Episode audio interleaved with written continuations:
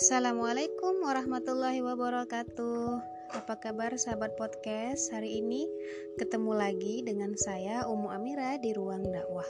Semoga sahabat podcast dalam keadaan sehat dan senantiasa dalam perlindungan Allah Subhanahu wa taala. Amin amin ya rabbal alamin.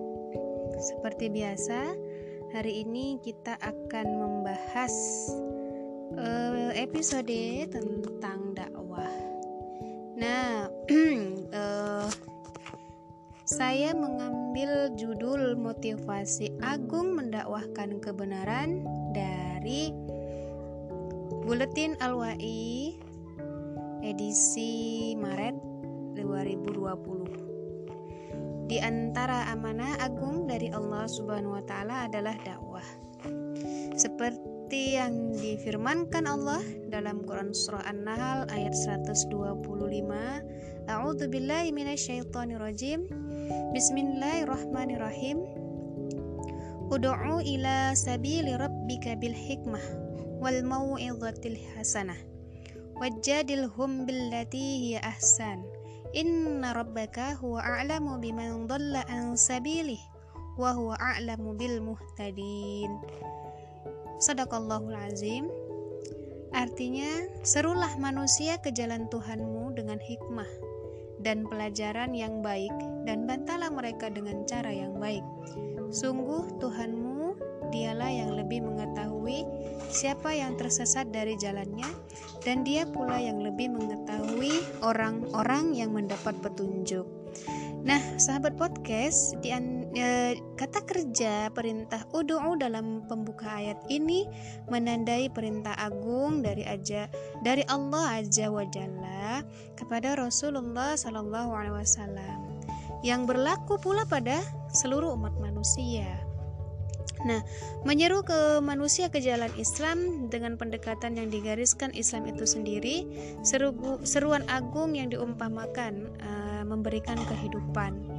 Nah, cakupan objek dakwah menurut isyarah uh, Quran surah An-Nahl ayat 125 pun umum dengan diringkasnya kata Anas ya al-ijaz bil al-haf dalam redaksi ud'u ila sabili rabbik.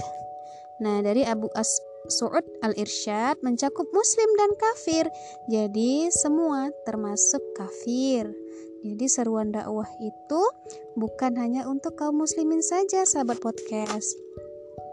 Sebagaimana keragaman pendekatan dakwah yang diajarkan ayat ini memperhatikan setiap kondisi objek dakwah sesuai prinsip balaghah. Untuk setiap kedudukan itu ada tutur kata sepadan. Disarikan dari uraian Al-Baidawi dalam Anwar An-Tanzil yakni pertama, uh, objek dakwah yang mencari kebenaran al-talibin li al-haqa'iq maka bi al-hikmah yakni dengan penjelasan yang terang benderang bernas Al-Quran dan As-Sunnah yang kedua objek dakwah yang tidak faham maka bi al-mau'izah al-hasanah yakni dengan nasihat-nasihat yang menggugah keimanan dan akal sehatnya. Nah, kemudian yang ketiga, objek dakwah yang mendebat kebenaran, membela kebatilan. Nah, ini mu'anid al-dakwah. Maka dengan bi'al mujadalah billati hiya ahsan yakni dengan meruntuhkan sandaran kebatilannya, lalu menjelaskan kebenaran kepada dirinya dengan sebaik-baiknya metode. Berupa argumentasi diikuti sikap yang baik. Masya Allah. Jadi, ketika objek dakwah itu berbeda-beda, bermacam ragam, Islam telah mengajarkan, Islam telah memberikan jalan bagaimana kita berdakwah kepada sesuai dengan objek yang kita temui. Visi ini sejalan dengan tugas Rasulullah Sallallahu Alaihi Wasallam yang diutus untuk seluruh umat manusia tanpa memandang batas-batas keyakinan, wilayah, dan warna kulit yang meniscayakan visi persatuan kaum muslim tanpa sekat-sekat aswabiyah atau fanatisme buta dan menebarkan rahmat bagi alam semesta Ini tercakup di dalam Quran Surah Al-Anbiya ayat 107. Nah, hal ini menegaskan bahwa kebatilan mereka yang menstigma negatif dakwah, syariah dan khilafah di negeri ini sebagai ajaran ideologi trans transnasional yang lalu distigma tertolak.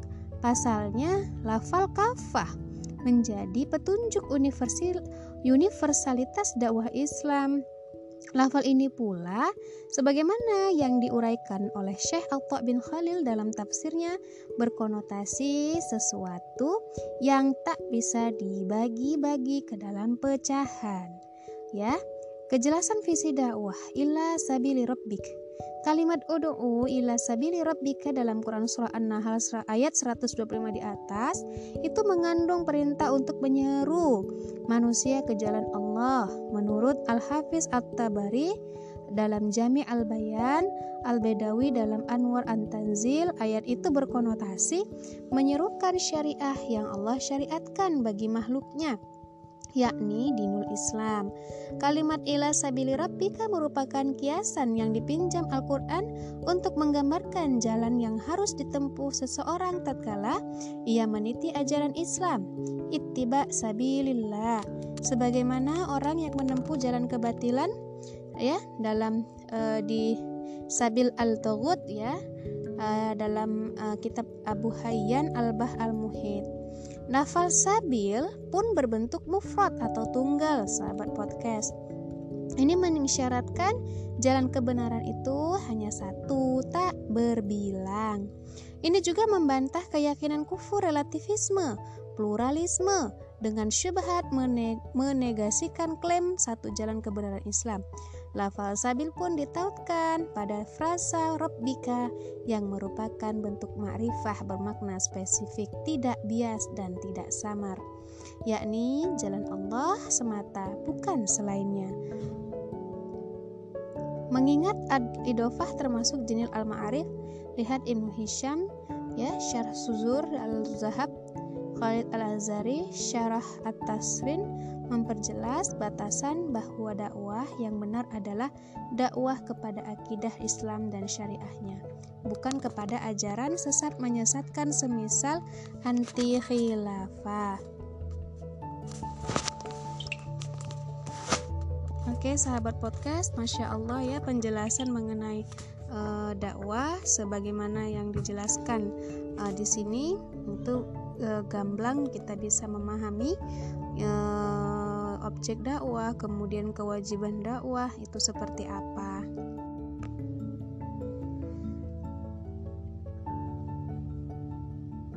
Oke, okay.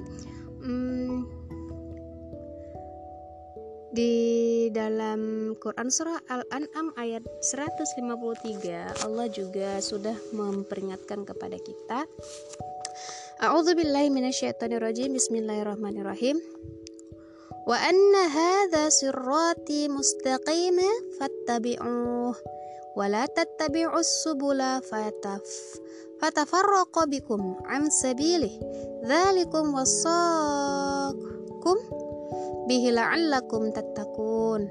Bahwa yang kami perintahkan ini adalah jalanku yang lurus. Karena itu ikutilah jalan itu dan janganlah kalian mengikuti jalan-jalan uh, yang lain ya. Karena jalan-jalan itu mencerai beraikan kalian dari jalannya. Yang demikian diperintahkan Allah agar kalian bertakwa. Oke masya Allah. Ayat ini menjelaskan kepada kita harus mengikuti jalan yang lurus karena jalan selain jalan Allah maka akan mencerai beraikan kita Oke, rapuhnya kebatilan, kokohnya kebenaran. Dalam Quran surah An-Nahl di atas, Allah Subhanahu wa taala memperjelas e, lagi buah dari adanya dakwah yaitu perbedaan antara mereka yang tersesat dan mereka yang meniti jalannya. Inna rabbika huwa a'lamu biman dhalla an sabilih wa huwa a'lamu bil muhtadin. Sungguh Tuhanmu dialah yang lebih mengetahui siapa yang tersesat dari jalannya dan dia pula yang lebih mengetahui orang-orang yang mendapat petunjuk. Allah Subhanahu wa taala menegaskan informasi khabar bin at-tauqid tentang dirinya. Menariknya dalam ayat ini ya eh, sahabat podcast, mereka yang tersesat itu digambarkan dalam bentuk kata kerja lampau atau fi'il maji. Dolla yang terikat pada orientasi waktu. Sebaliknya, mereka yang meniti jalan petunjuk itu diungkapkan dalam bentuk kata benda atau isim lafal al-muhtadin yang merupakan isim atau fa'il kata benda subjek dari kata kerja ya uh, ihtada atau mengambil petunjuk. Ini berfaedah liat subut wa istimrar atau tetap dan terus-menerus Al-Hafiz As-Suyuti Al-Itqan. Ini menunjukkan kesesatan jauh lebih rapuh daripada kebenaran yang sejalan dengan fitrahnya. Allah menciptakan hamba-hambanya dengan sifat fitri yang lurus namun menyimpang disebabkan tipu daya setan. Wa inni khalaqtu ibadi hunafa'a kullahum wa innahum atathum musyayatinu fajatalathum an dinihim. Sungguh aku menciptakan hambaku dalam keadaan lurus seluruhnya dan sungguh setan-setan mendatangi mereka sehingga mereka berpaling dari agamanya. Hadis riwayat Muslim dan Ahmad. Oke, adapun kesesatan itu rapuh, serapuh bijakannya diserupakan oleh Allah itu dalam uh, seperti deng pembuat rumah dari sarang laba-laba. Jadi kalau sarang laba-laba itu ya sangat rapuh ya. Jadi adapun ikatan atau rumah yang paling uh, rapuh itu adalah di di dalam Quran surah An-Ankabut itu adalah sarang laba-laba ataupun rumah laba-laba. Nah, kisah sahabat yang dikenal teguh memegang prinsip Umar bin Khattab radhiyallahu anhu misalnya bisa luluh menerima kebenaran Islam dan menjadi tokoh agung berjuluk Al-Faruq. Maka sahabat podcast, kita diserukan untuk optimislah ini merupakan motivasi untuk optimis mendakwahi makhluknya meskipun dihadapkan pada berbagai tantangan. Ya, Allah dalam Quran surah An-Nahl ayat 126 dan 127 membimbing hamba-hambanya menghadapi tantangan para penentang dakwah sekaligus mengingatkan mereka untuk bersabar atasnya. Nah, ini mengandung dilalah atau penunjukan adanya kelaziman tantangan di dalam dakwah dan tuntutan untuk kokoh di atas kebenaran.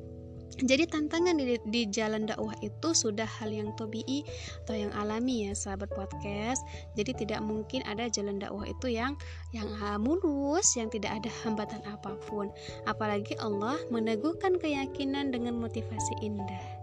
Seperti di dalam Quran surah An-Nahl ayat 28. Bismillahirrahmanirrahim. Innallaha ma'al ladzina taqaw wal hum muhsinun Sungguh Allah beserta orang-orang yang bertakwa dan orang-orang yang berbuat kebaikan.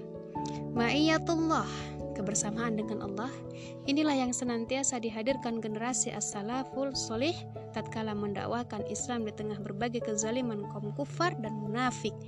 Tiada yang menghentikan dakwah kecuali tibanya masa menuju keharibaannya. Allahu alam bisawab.